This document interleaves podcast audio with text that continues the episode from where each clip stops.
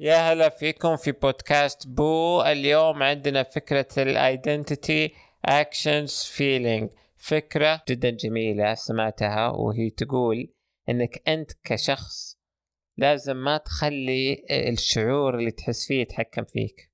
ما تخلي مثلا تقوم وتقول أوه مالي خلق أروح النادي ولا مالي خلق أذاكر ولا مالي خلق أشتغل. يتحكم فيك. لازم تكون عندك ايدنتيتي لازم تكون عندك شخصية أنت تطمح فيها. وفي حركة حلوة بتسهل لك ذا الموضوع. تخيل نفسك بأحسن حال بعد خمس سنوات. يعني تخيل أفضل نسخة منك بعد خمس سنوات كيف بتكون. بعد ما تتخيل النسخة هذه حاول تكون نفسها. تكلم نفسها أمشي نفسها تنفس نفسها آه، فكر نفسها دائما تخيل إنك نفسها. فلما تقوم مثلا وتجيك فكرة ما لي خلق أسوي ذا الشيء؟ قل له أنا مين؟ فكر دائما أنا مين؟ لما تفكر أنت مين وتحاول تكون هذا الشخص مالك خلق سالفة مالك خلق هذه بتنساها إن شاء الله.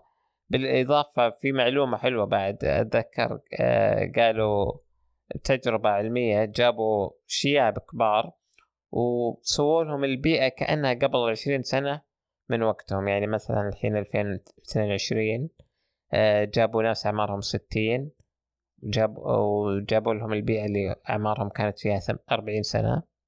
بعدين قالوا يلا. الحين آه، نبغاك تتصرف عادي. لاحظوا تخيلوا زيادة في قوتهم. شيء جدا يعني غريب. لاحظوها موجودة. الناس مو مصدقة.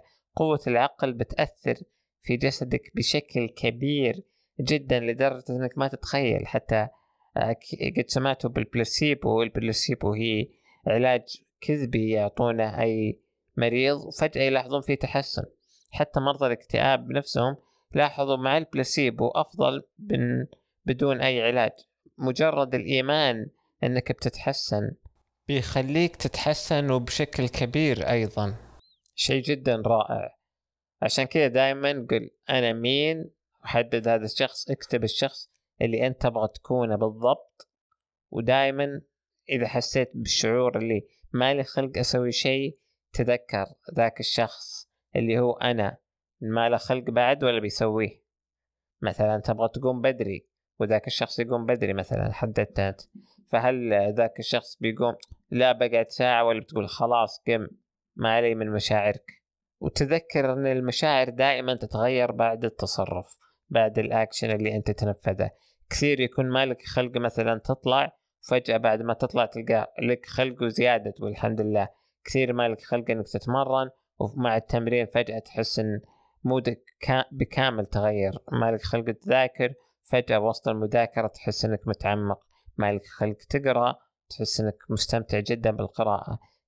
تذكر إن دائما دائما المشاعر تجي بعد التصرف. تصرفك بيغير المشاعر. حركاتك والشيء اللي بتسويه بيغير المشاعر عندك بشكل كبير جدا بيغير المود. دائما دائما دائما تذكر إن حركتك الحالية بتغير مشاعرك. فدائما تذكر من أنت قل أنا مين وقل إن بيتغير الشعور ذا بعد ما تحرك وإن شاء الله بتقدر تنفذ. لأن كثير من الناس يقعدون يفكرون ويفكرون وما يسوون أي شيء ودهم في حياتهم مهم جدا ال action ال action بيغير حياتك بشكل كبير.